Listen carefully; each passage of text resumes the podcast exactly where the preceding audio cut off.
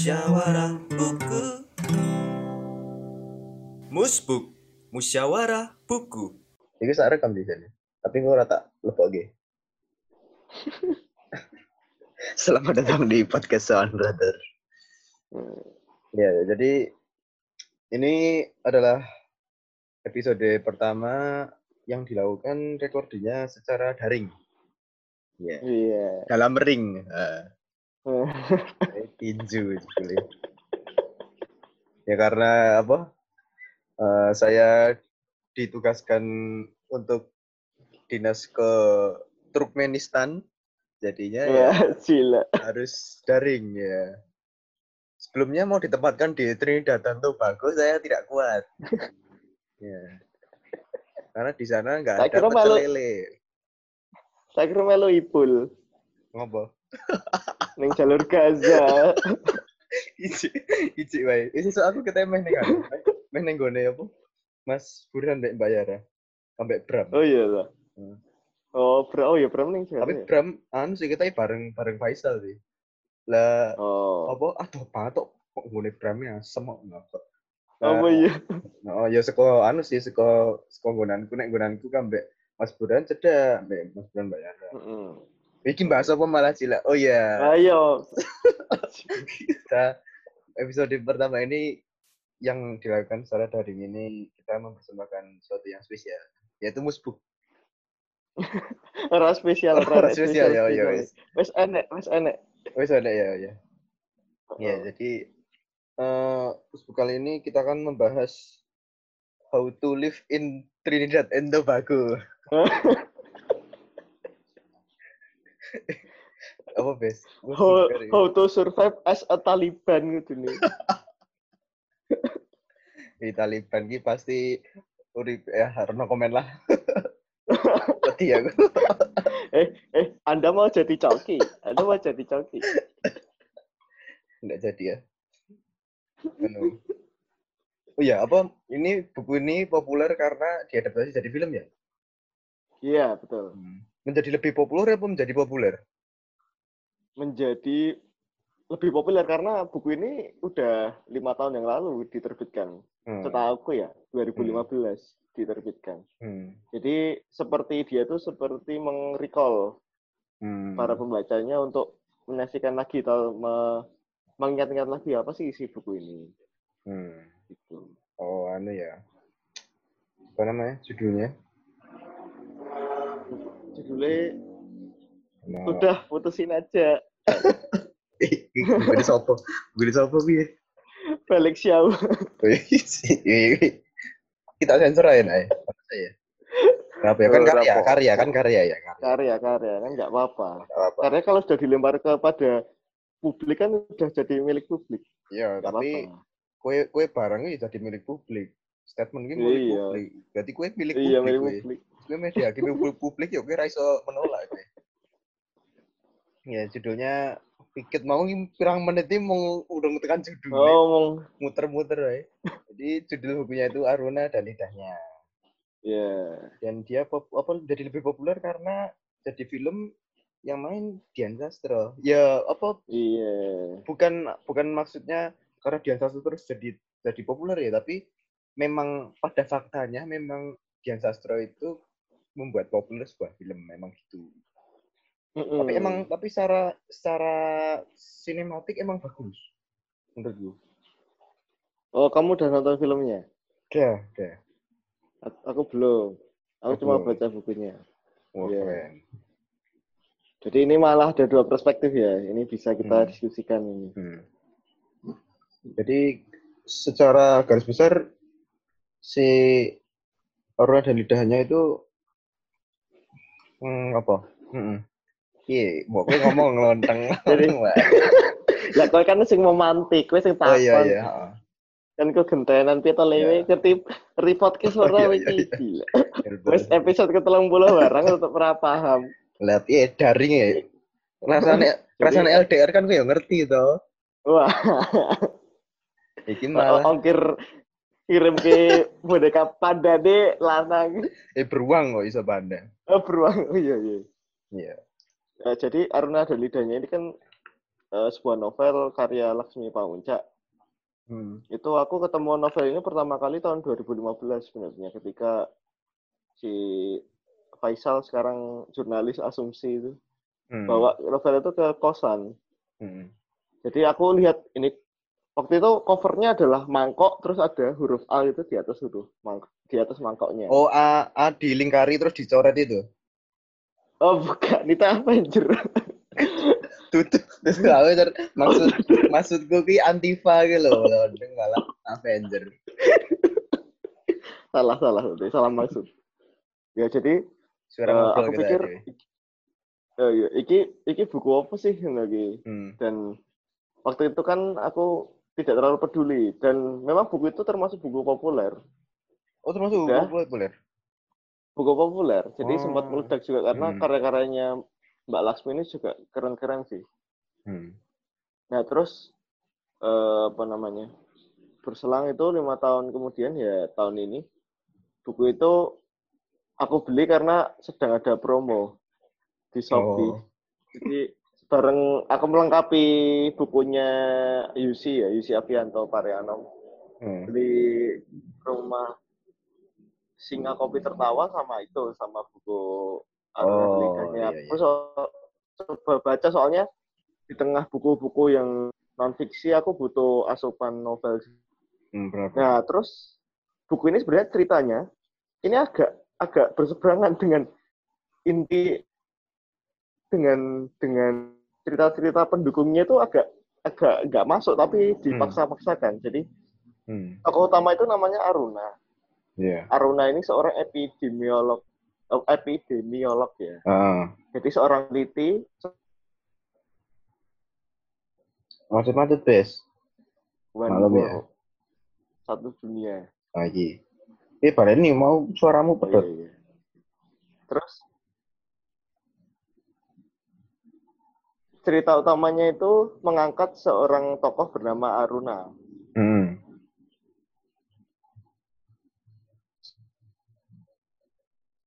Yang mana tuh? Maaf ya, apa pendengar ya, maaf ya. Guys. Suaramu hilang loh, Di.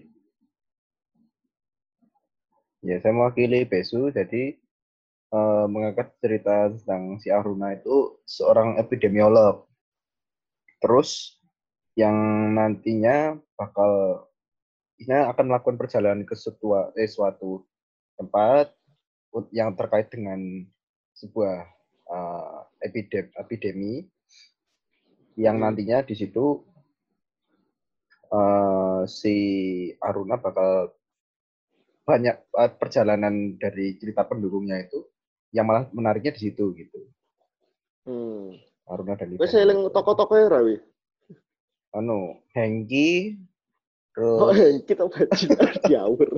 di suaramu pedot-pedot ini mau ngopo ya? Hilang wifi ini mati. Oh alah. Ya kuwi. Iki anu wis aman. Wes wes wes balik. Ini no, se- no sensor ya nih pemirsa ya pemirsa. Ya, jadi mengerti benar-benar keadaan sebenarnya ada infrared juga di sana. Ya, Jadi benar-benar bukan rekayasa ini. bukan rekayasa ya. Ya, jadi tokohnya itu si Aruna, terus ada nanti dia punya temen itu seorang chef Hmm. namanya Bono. Ya, itu yang Nah, terus meranin Nah, Nicholas Nicholas Saputra. Hmm. Terus nanti ada dua temennya juga yang kan sering nongol di novel ini. Nah, aku lupa Ah. namanya. Si cewek yang meranin Ha- Hana Al Rashid itu siapa namanya? Sama anu satunya kan yang Oka Antara. Nah, ke antara Ya. itu. Aku lali jenenge. Hmm. Wis kuwi lah. Si A, B- A, si A dan si B. Fulan dan. Fulana weh. Fulan. Amatir banget ini pembahas novelnya. Lah, Meh mus buka orang lali wong. Oh ya dan apa? Ini info apa? Info penting gak penting. Jadi sebenarnya yang meranin si Bono itu harusnya Dista. Dia itu Nah, yang pertama ditawarin. Itu kalau pemirsa Tonight Show, pemirsa Tonight Lover itu pasti tahu gak gitu. Jadi dia itu yang di, yang ditawarin, tapi Desa tetap main di situ. Tapi jadi apa? Jadi orang lain. oh gitu. Iya, jadi Oh, jadi Tak kira dia nggak mau sama sekali. ya nggak tahu maksudnya mungkin dia juga sadar diri ya kalau jadi Bono apa acting sama Dia Sastro nanti syutingnya bakal lama soalnya ulang terus take-nya Eh, tapi kalau aku baca novelnya sih melihat karakter Bono itu nggak cocok sih sama Iya. Desta. iya Desta, eh kok Desta Bono itu soalnya cenderung cuek, terus dia itu punya dunianya sendiri. hmm. Dan kamu mungkin tahu kalau cara mereka makan ya di di resto-resto yang mereka kunjungi itu kan mereka Hmm. pesen banyak tuh, semua menu dipesen terus Hmm. dicoba satu-satu yang cocok yang mana kayak gitu. iya Dan cara itu cara makan yang aneh memang. Dan Hmm. Desta kayaknya nggak cocok sih jadi seorang chef yang cool dan cuek menurut Aneh banget lah. iya sih Nah, terus yang menurutku anehnya cerita ini kan novel ini sebenarnya mengangkat topik di tahun 2005 yaitu ketika flu burung ya, wabah flu Hmm. burung itu merajalela di hmm. di seluruh negara sebenarnya. Hmm. Tapi ini khusus untuk diangkat di Indonesia. Nah, si si Aruna ini sebagai seorang ahli wabah yang ditugaskan bekerjasama dengan pemerintah itu Hmm. meneliti daerah-daerah yang punya suspek penularan flu burung dari hewan ke manusia. Gitu. iya Yang mana setelah ditelusuri ternyata nggak ada suspek yang benar-benar mereka itu mereka itu terjangkit flu burung. Hmm. Jadi seperti pemerintah itu mengada-ada, mau emang terlihat wabah ini harus urgent ditangani, harus ada vaksinnya dan lain-lain. Hmm. Ya ujung-ujungnya adalah kepentingan ekonomi dan politis juga sih. Hmm. Nah, tak kira itu ngangkat di situ. Hmm. Itu menurutku lebih seru sih. Nah, tapi ternyata cerita pendukungnya adalah tentang kuliner kan. Hmm. Nah, yang mana aku sebenarnya nggak, karena aku bukan orang yang punya apa namanya, Hmm. Punya obsesi di makanan, punya obsesi di kuliner, itu tidak tidak terlalu senang membacanya sih. Hmm. Bayangin aja kamu mungkin cerita-cerita makanan ditulis terus dicoba untuk di di apa imajinasikan jadi pembaca seperti ikut makan kayak gitu. ah iya Itu, itu tidak men- semenarik ketika memang senang makan dan senang masak. Mm-mm. Jadi menurutku novel ini sangat cocok untuk teman-teman yang memang punya obsesi di makanan, eh, tukang icip-icip, Hmm. tukang apa vlogger atau tukang Hmm. makan sama tukang masak Hmm. gitu. Kalau buat aku orang awam dan nggak terlalu peduli makanan, jadi kok novelnya jadi terlalu banyak membahas makanannya, nggak nggak membahas wabahnya gitu. Iya. Gitu. Nek nek, piye nek sebagai seorang yang sudah melihat filmnya?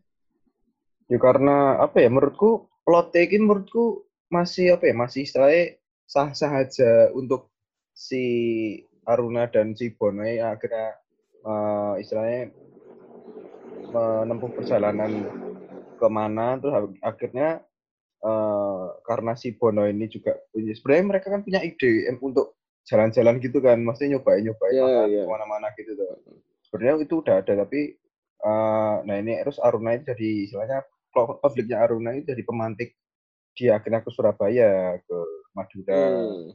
Ya. gitu menurutku masih sah saja dan emang karena mungkin kamu membaca anu ya membaca tulisan dan memba- harus membayangkan makanannya gimana gitu Mm-mm.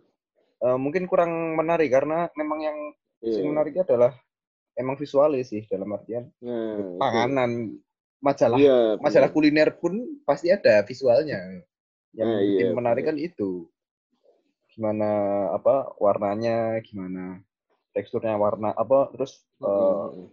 masakannya itu bentuknya gimana gitu. Ya emang paling enak dinikmati secara visual. Ya kuwi lah, ya mager dong misalkan eh, kon bayangke apa panganan terus ya terus rasanya ini rasanya ini tapi itu tidak melihat bentuknya. Kecuali Ayo. yang dideskripsikan adalah wanita ya Nah, yang ngopo kuwi guyu kok iso? Apa hubungannya, Cuk? oh ya ora sih Ya, ya jadi itu ya bener sih. Aku sebagai seorang karena aku membaca novelnya nggak nggak lihat Hmm. visualnya lewat film. Jadi karena kembali lagi aku bukan orang yang terlalu ngulik di makanan. Jadi ketika dia cerita tentang bagaimana nikmatnya makan misalnya sate laler, terus dia makan apalagi tuh Hmm. Anu, nasi eh bakmi kepiting ya gitu itu aku nggak terlalu apa ya nggak terlalu interest ya.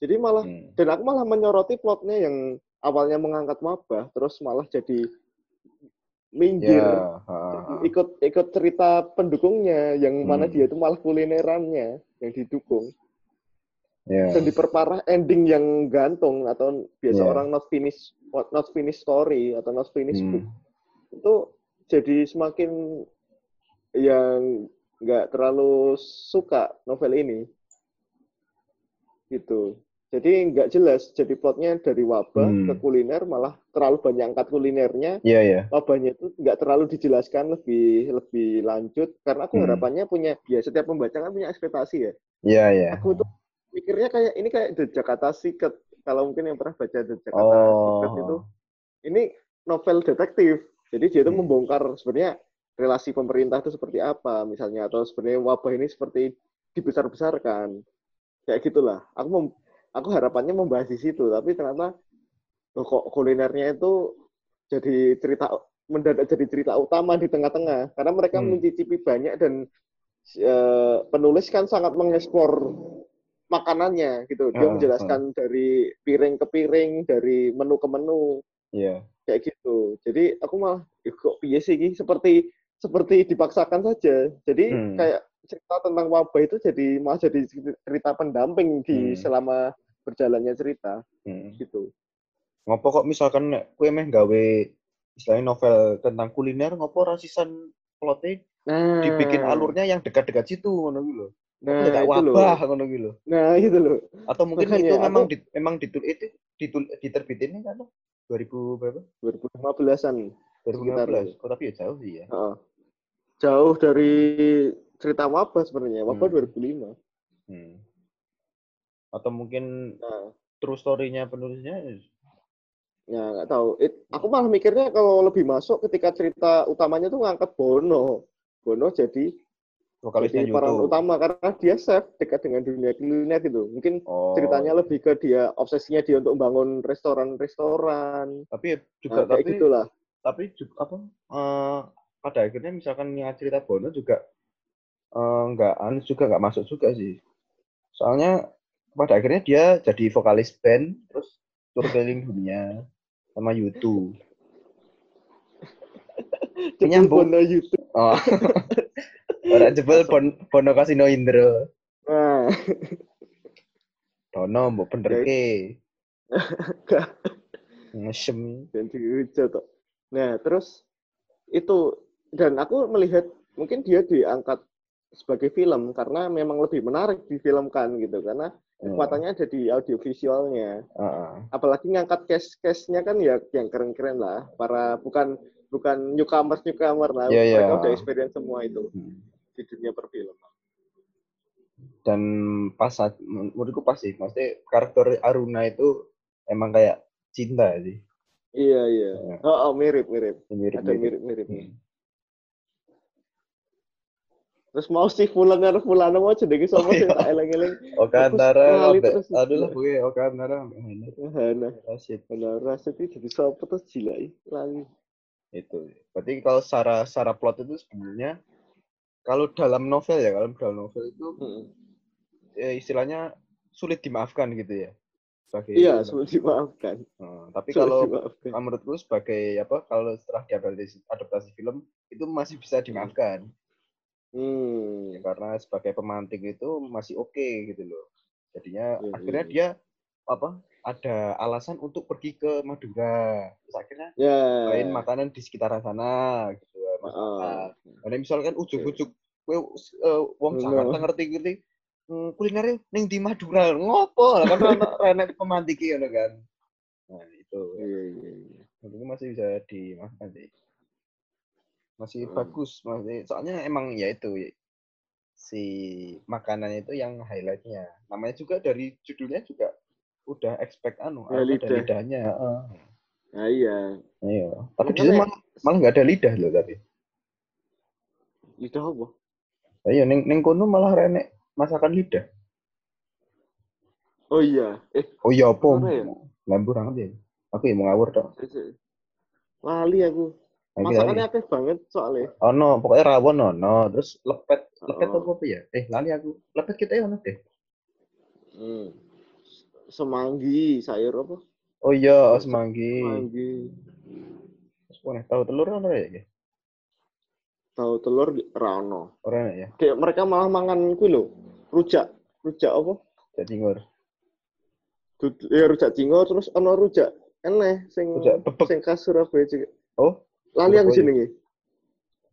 Eh. Surabaya, Mas. aduh si apa ya? Rujak soto, rujak soto. Oh, oh kambean eh sing sing sate kerang ya ora tuh. Heeh. Ono ya. Heeh.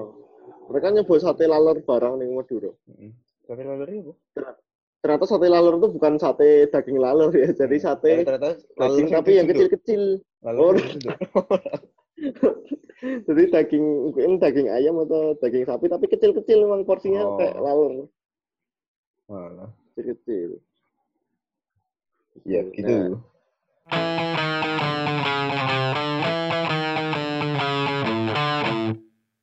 makanya itu aku melihat kok buku ini sempat booming kenapa kenapa ya dan kenapa difilmkan gitu. Padahal nggak terlalu Hmm. bagus menurutku ya.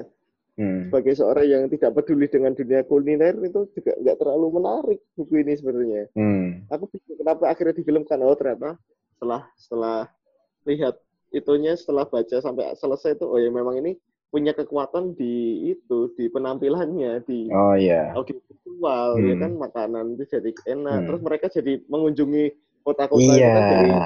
Surabaya ke Madura terus Mm-mm. terbang ke Medan ke Padang Hmm. ke Aceh terus balik ke Kalimantan ke Singkawang kayak gitu itu jadi Hmm. seperti mengeksplor makanan Nusantara sih Hmm. gitu Ya. Ini jadinya ini support lokal produk. Ya iya. Tapi ya Iya. aku masih bingungnya kenapa dia membawa apa seorang ahli wabah itu untuk untuk jadi cerita pertama gitu loh. Aku sing Pemendingannya ya, anu ya cal- calon wali kota ngono kuwi ya. Nah, apa hubungannya Cok? Jadi kok belusuan. Oh ini makanan apa? Ah, ngono. Wah, Oh, gua keri-keri ini gua anu stres, mergo kalah. Mergo kakek mangan terus diabetes. Pas pas minta pas ada ra iso teko. ya. Ngono. ya jadi Aruna dan idenya itu secara garis besar itu sih mengangkat dua cerita itu Hmm. tentang wabah terus diselingi eh, icip-icip kuliner Yang tuh. ternyata selingannya anu. Ternyata itu ternyata bukan selingan. Bukan selingan, Ya. Japen tapi ngono. tapi memang bukan selingan. Selingan. Alah, orang ngono. Jadi tak pancing kan. Ora ada koordinasi, Oh, iya. Ada suara ngobrol lah gitu ya. Oh iya, benar.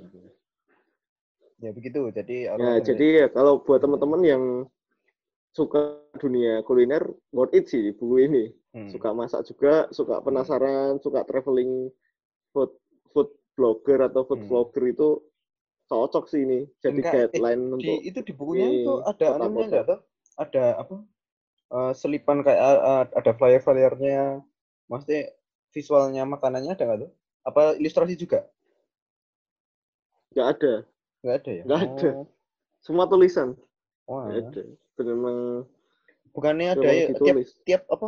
Tiap beberapa apa bab gitu? Nggak ada anu deh. Nggak ada ilustrasi nih Nggak ada. makanan nih. Kok Nggak ada? ada. Mungkin bisa Aku- ditambahkan sih di sisi ke depan itu. ada yang mau buku sing podo tuh mesti buku nih sing sing yo sing barengannya kayak tuh Iya, kan kayak mau sidik dan katanya ono deh apa ora enak. halusinasi Buku liane gue. hmm ya begitu orang dan lidahnya Ya, buat teman-teman bisa beli sih buku ini. Kan ini pendapat subjektif ya, karena aku nggak suka hmm. mak- eh, makanan, bukan nggak suka makanan sih, tapi tidak terlalu peduli makanan seperti aku peduli dengan sepak bola lah, kayak gitu. Nggak Hmm. terlalu detail-detailnya itu nggak memperhatikan. Yang penting, oh ini enak, ini nggak terlalu asin, bisa dimakan ya udah. hmm. Gitu. dan iso dibayari Nah, nah itu yang paling penting. bener oh De Bruyne Ya, jadi apa ya? Heeh. Sterling gol iki sama sang kabeh aku main City terlalu risiko Kaptenku Levi ini cuan ya. Mau ono sing ngapteni Andre Robertson ya, wah sangat tenang. Oke, tapi ya lumayan sih. Pokoknya. Ya, iya. Senayang loh. Ya begitulah dia nada lidahnya. Ya, Jadi silakan beli di toko-toko buku terdekat. hmm, harganya berapa itu? Karena harganya tuh berapa ya? Segi kisaran 60 sampai 70. Oh, mas, pokoknya masih di bawah anu ya, 80 ya. ya di bawah 80. Ya di bawah Nggak terlalu 90 tebal. lah, heeh. Bawah 90. Nggak terlalu tebal bukunya 245 halaman. Ya, Jadi lebih ding 400-an ding. Ya lumayan lah. oh, Lumayan tebal, sih. Ting. Lumayan, 400-an halaman. ya. Tapi bisa masuk saku ya itu ya? Masuk saku nggak bisa iki anu toh, buku Data Dharma toh cilik. Iso-iso di Iya. masuk saku. Mungkin di itu nggak bisa masuk saku. Heeh. Bahasa tapi. Tapi dari tapi Masuk saku.